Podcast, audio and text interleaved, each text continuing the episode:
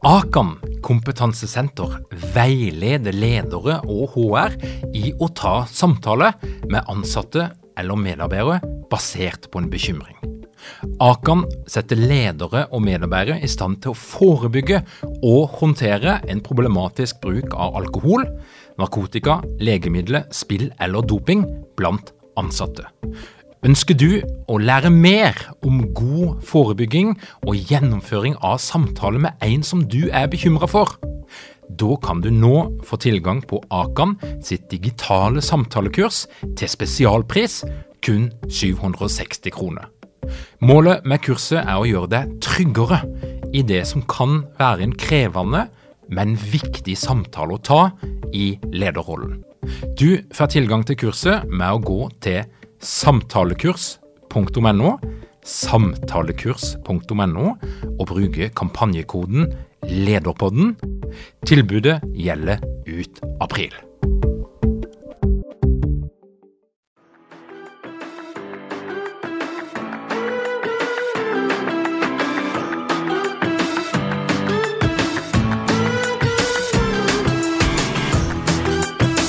Velkommen til Lederpodden. Mitt navn er Tor Åge Eikerapen. Jeg jobber som organisasjonspsykolog, og dette her er en podkast om ledelse. Flere HR-folk og ledere som jeg snakker med for tida, de forteller at akkurat nå så føler de at de driver nesten et eventselskap. Folk vil møtes, og konferansehotellene er overfylt av sosialt underernærte kollegaer som vil ede fra hotellbuffeen og alt han har å by på, med begge hendene. Men la oss nå være helt ærlige. Interne seminarer, fagdager, samlinger, workshops eller hva du nå kaller det, kan være særdeles kjedelige greier som suger ut betraktelig mer energi enn det det gir tilbake. Og det er jo en grunn til at folk flest gapskratter av gjenkjennelse når rogalandsartisten Tønes synger seminarblues og refrenget Seminarblues, seminarblues, vil du gi meg fred, kan du få meg heim atte? Og i dag så vil jeg gi deg noen triks som du kan bruke for å unngå at din neste samling fører til seminarblues. Men la oss først gjøre unna litt begrepsavklaring. For samling utenfor eget hus de kommer jo i mange formater. Og det som jeg vil snakke om i dag, det er de store samlingene. Der du skal samle alle ansatte én eller to dager, der det skal brukes store penger på overnatting, mat, underholdning og tapt arbeidstid. Noe som du kanskje bare gjør én gang i året eller hvert annet år. Og Sånne samlinger det er jo en fantastisk anledning.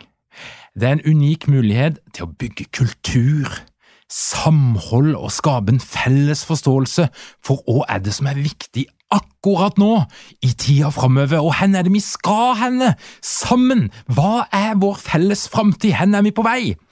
Og som leder eller komitémedlem så kan du velge, du, om du vil bruke den anledninga til å skape noe helt fantastisk, eller vil du helst gjøre sånn som dykken pleier å gjøre på de her samlingene? Og jeg vil nå gi deg fem råd eller triks som du kan bruke for å skape samlinger som faktisk betyr noe, og som er et bidrag til å nå de målene som dykken måtte ha, og for å få det beste ut av de menneskene som er i organisasjonen.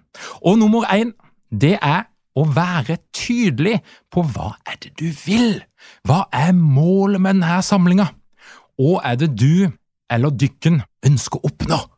Og vil du at folk skal sitte igjen med, er det noe spesielt de skal vite, er det noe spesielt de skal føle, hva slags effekt ønsker du å ha ut av dette her? Skal de bli bedre kjent, de som jobber sammen på kryss og tvers og kanskje bare møtes virtuelt, eller skal de få en bedre forståelse for en ny strategi, eller føle seg stolte over å være en del av noe som er større enn seg sjøl. Og jo tydeligere mål dykken har formulert for denne samlinga, jo lettere vil det være å prioritere hva som skal få plass, og hva dykken kan droppe. Ikke la verdifulle minutter i programmet gå til spille på urelevant fjas som heller kan sendes ut som en e-post eller legges inn på intranettet eller hva du kan bruke for noe. Jeg mener at det er topplederen og ledergruppa som skal eie samlinga og definere hva den skal være. En kan gjerne få bidrag for andre og involvere mennesker og høre hva er det folk snakker om, hva er det som er viktig for folk, men det er topplederen og ledergruppa som må eie samlinga, for dette her må jo ses i sammenheng med strategien og verdier og hva er det vi egentlig ønsker å få til her, og da er det viktig med et tydelig eierskap. Og det betyr at det kan være kjempesmart å bruke et eventselskap for å få litt fart i samlinga, men eventselskapet med hang til pyro, klovne og en veldig god pris på Nordens feteste LED-skjerm, det er ikke deg som må bestemme hva denne samlinga skal være, det er det du og dykken som må gjøre. Så det er nummer én, vær tydelig på hva du vil. Nummer to det er å bruke den kollektive intelligensen. En fysisk samling, den passer perfekt for å dele erfaringer, meninger og kunnskap mellom de som jobber i organisasjonen. Og det er type samtale som ikke de har tid til i det daglige, men på en sånn type samling så har du en ramme rundt det som er perfekt. Det er en anledning til å heve opp noen tema som kanskje er litt på toppen av alt det operasjonelle vi snakker om til vanlig. Men det er ikke sånn at du bare kan plassere folk vilkårlig rundt et bord, eller gi dem en neve med drikkebonge, så kommer denne magien av seg sjøl. Det skjer ikke, og hvis det skjer, så er du flaks. Hvis du ønsker at folk skal snakke sammen om viktige ting, så må du lage noen trygge rammer som gjør det lett. Du må fasilitere, du må planlegge, du må gjøre det enkelt for folk å ha de her samtalene. Og dette her har jeg litt erfaring med, så jeg kommer her med litt sånn eh, superenkel forskning, men selv for de mest introverte som egentlig hater å være på en sånn samling i utgangspunktet, så er det altså mulig å få de til å snakke sammen om viktige ting. Det er ikke noe som er forbeholdt de som snakker lett, og som kanskje scorer litt opp i den ekstroverte eh, greia på personlighetstesten. Men hvis du setter folk som ikke kjenner hverandre sammen rundt et bord, og da snakker jeg altså om et rundt bord, særlig et rundt bord, så skal du bare vite at de fleste da vil føle seg beglodd fordi at eh, alle ser på alle rundt et rundt bord, og lett føle seg sosialt usikre. Det er veldig vanlig, og jeg har stått på så mange foredragsscener rundt forbi og kikka ut i et lokale med runde bord, og det er jo det vanskeligste lokalet å få varmt, fordi at folk føler seg så usikre i utgangspunktet når de sitter på den måten sammen med folk som ikke de kjenner så veldig fra før, eller bare det å i det hele tatt sitte rundt et rundt bord gjør et eller annet som gjør at folk blir mer stille og mer reserverte enn det de ellers ville ha vært, og energinivået i salen synker drastisk. Men det fins en nøkkel. Nøkkelen for å løse opp stemninga, det er å gi folk en innsjekksoppgave på et tidlig tidspunkt som de må snakke sammen for å løse. Og det trenger ikke være så veldig komplisert, dette her er veldig enkle greier, men bare det å snakke om å bli enige om et navn på gruppa, få en gruppe identitet på bordet, der de òg kanskje blir bedt om å fortelle hverandre henne i landet de egentlig kommer ifra, og kanskje snakke litt sammen om hva de forventer fra denne samlinga. Så vips begynner vi å lukte på en økt psykologisk trygghet og økt sosial dristighet, som gjør at en lettere kan bruke den kollektive intelligensen som er rundt bordet, til litt andre typer oppgaver litt seinere. Tips nummer tre det er å la flere folk snakke høyt, sånn at alle kan høre det. Selv i de mest introverte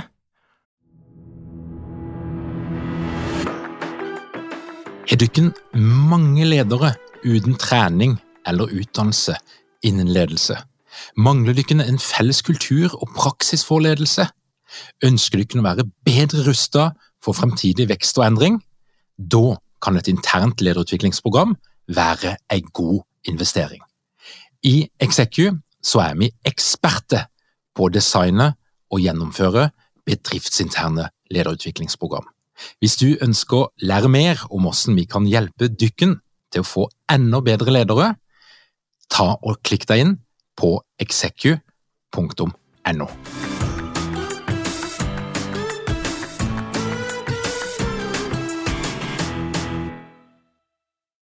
Og sære yrkesgrupper, uten at de to har noen sammenheng, så vil ifølge min uvitenskapelige forskning gjennom 15 år, så vil det være minst én person rundt et åttepersons bord som liker å holde en mikrofon, og som har en undertrykt komiker inni seg som fortjener å slippe løs.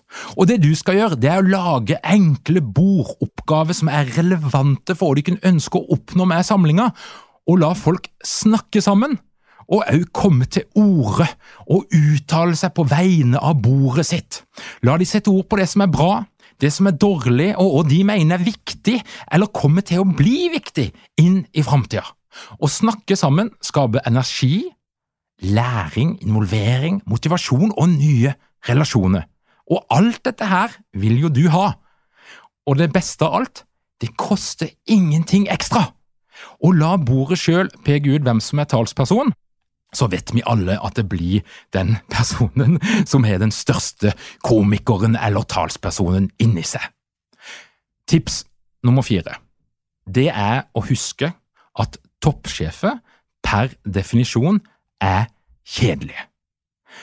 En god samling må ha energi, det må være trøkk og bevegelse uten at det skal være helt Maskorama eller sirkus. Og hvis det er noe som effektivt tapper et festpynta lokale for energi, så er det en kjedelig toppsjef som klikker seg gjennom 33 slides om den nye strategien, på engelsk! Og du må huske en ting, som toppleder så er du som oftest valgt til jobben på grunn av de samme egenskapene som gjør deg veldig kjedelig på en scene. Ja da, vi har hørt om Petter Stordalen, men du er ikke han. Du er analytisk, du er strukturert, du er ambisiøs, og du er veldig lite impulsiv. Og det funker veldig bra når du er toppleder, men det innebærer òg at du nytes best i veldig korte drag på en scene. Og det gjelder òg mange av de andre i toppledergruppa. Å stå alene på scenen med en mikrofon og en powerpoint-presentasjon i mer enn ti minutter, det bør du overlate til de profesjonelle, de som har det som yrke. Ledelsen har absolutt sin plass i programmet, og ledelsen bør gjøre seg selv synlige, men det finnes så mye bedre måte å gjøre det på enn å stå rett opp og ned på scenen. Jeg kan nevne i fleng Skavlan-intervjuet, paneldebatter, andre former for semistrukturerte samtaler som gir ti ganger mer energi, læring og engasjement enn en stiv og litt ukomfortabel ledertype som tviholder på klikkeren i hånda og nistirrer på teleprompteren som stender på gulvet. Så bare husk at toppsjef du er sikkert en fantastisk person, men mest sannsynlig, uansett hvor godt trent du måtte være og mange gode rådgivere og taleskrivere du har, så er du kjedelig i mer enn ti minutter. Råd nummer fem, det er å temme elefantene. Eller sette ord på elefantene, eller jage elefantene ut av lokalet før du setter i gang med hovedprogrammet. For i etterkant av covid og alt det vi har vært igjennom, så kan det være mange elefanter i rommet. For vi vet at i organisasjonene så har det jo ikke akkurat stått stille. Noen har jo skrudd opp farta på digitalisering, effektivisering, de har omorganisert, de har kanskje sagt opp noen, de permitterte noen. Det var en del beslutninger som ble gjort, som en del reagerte på. Endringer, oppsigelse, avgjørelser du kan angre på. Og dette her snakker jo folk om når de møtes. For sånn er vi mennesker. Når vi møter folk som vi kanskje ikke møter så ofte, som ikke vi kjenner så veldig godt, og som vi har litt sånn, ja, eh, litt svake relasjoner til, så må vi jo snakke om et eller annet. Og hva er vel mer naturlig enn å snakke om det som er negativt, det som ikke er greit, sladre litt grann, og by litt på de følelsene som vi gått og båret på alene veldig lenge, og endelig så kommer vi på en arena der det er noen som vil høre på oss. Av og til så gjenger det helt greit, men jeg har jo sett eksempler på at et arrangement som i utgangspunktet skulle være positivt, som skulle være framtidsretta, og som skulle være virkelig en energiboost, kan bli en liten katastrofe. For det at den gjengen som er i salen, snakker om og tenker på helt andre ting enn de som stender på scenen. Og hvis ikke du som toppleder navngir de her elefantene på et tidlig tidspunkt, men tvert imot later som ingenting, risikerer du at de her svære elefantene blir stående i veien for det du ønsker å oppnå. Det betyr at all energien, ressursene og tida som dykkerne har brukt for å lage dette her fantastiske arrangementet, det er litt bortkasta. Og så er det jo helt klart at det er ubehagelig å stå på en scene og sette ord på det som mange oppfatter som ugreit. Det er veldig lett å gå i forsvar det er lett å si sånn som at jeg, skjønner at dette her oppleves som, som dårlig for dykken og, og, ikke høres helt troverdig ut, og da kan det jo faktisk fort gjøre vondt verre, og enda verre hvis du begynner med rasjonell argumentasjon for å møte noe som egentlig handler om følelse. En følelse av å ikke bli sett, en følelse av å ikke bli hørt, en følelse av å ikke bli involvert, en følelse av at det skjedde ting som ikke var bra for min kollega.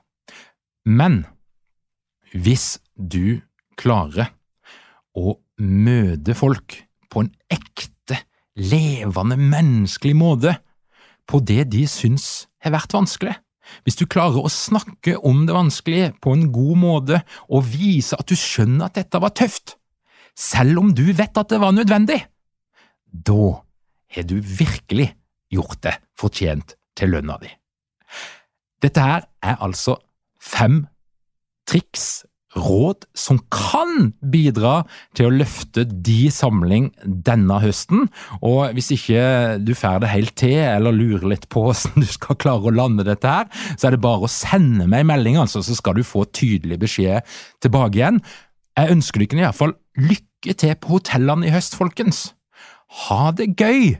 Og ikke vær beskjeden, husk at matsvinnet skal ned, så det å bidra til å tømme buffeen det er òg et bidrag til det grønne skiftet. Takk for at du hører på Lederpodden. Hvis du vil få med deg alt det vi holder på med, og få vårt ukentlige nyhetsbrev rett i boksen din, så kan du gå inn på lederpodden.no og trykke på den rette knappen. Hvis du ønsker å ta det enda lenger og lære mer og møte likesinnede ledere på en digital arena, så inviterer vi deg til å bli med i ledernettverket vårt. Og du finner alt du trenger å vite på ledernettverket.no. Liker du Lederpodden, husk å rate oss, da får flere greie på at vi fins. Og igjen, takk for at du hører på Lederpodden. Vi høres om ei uke.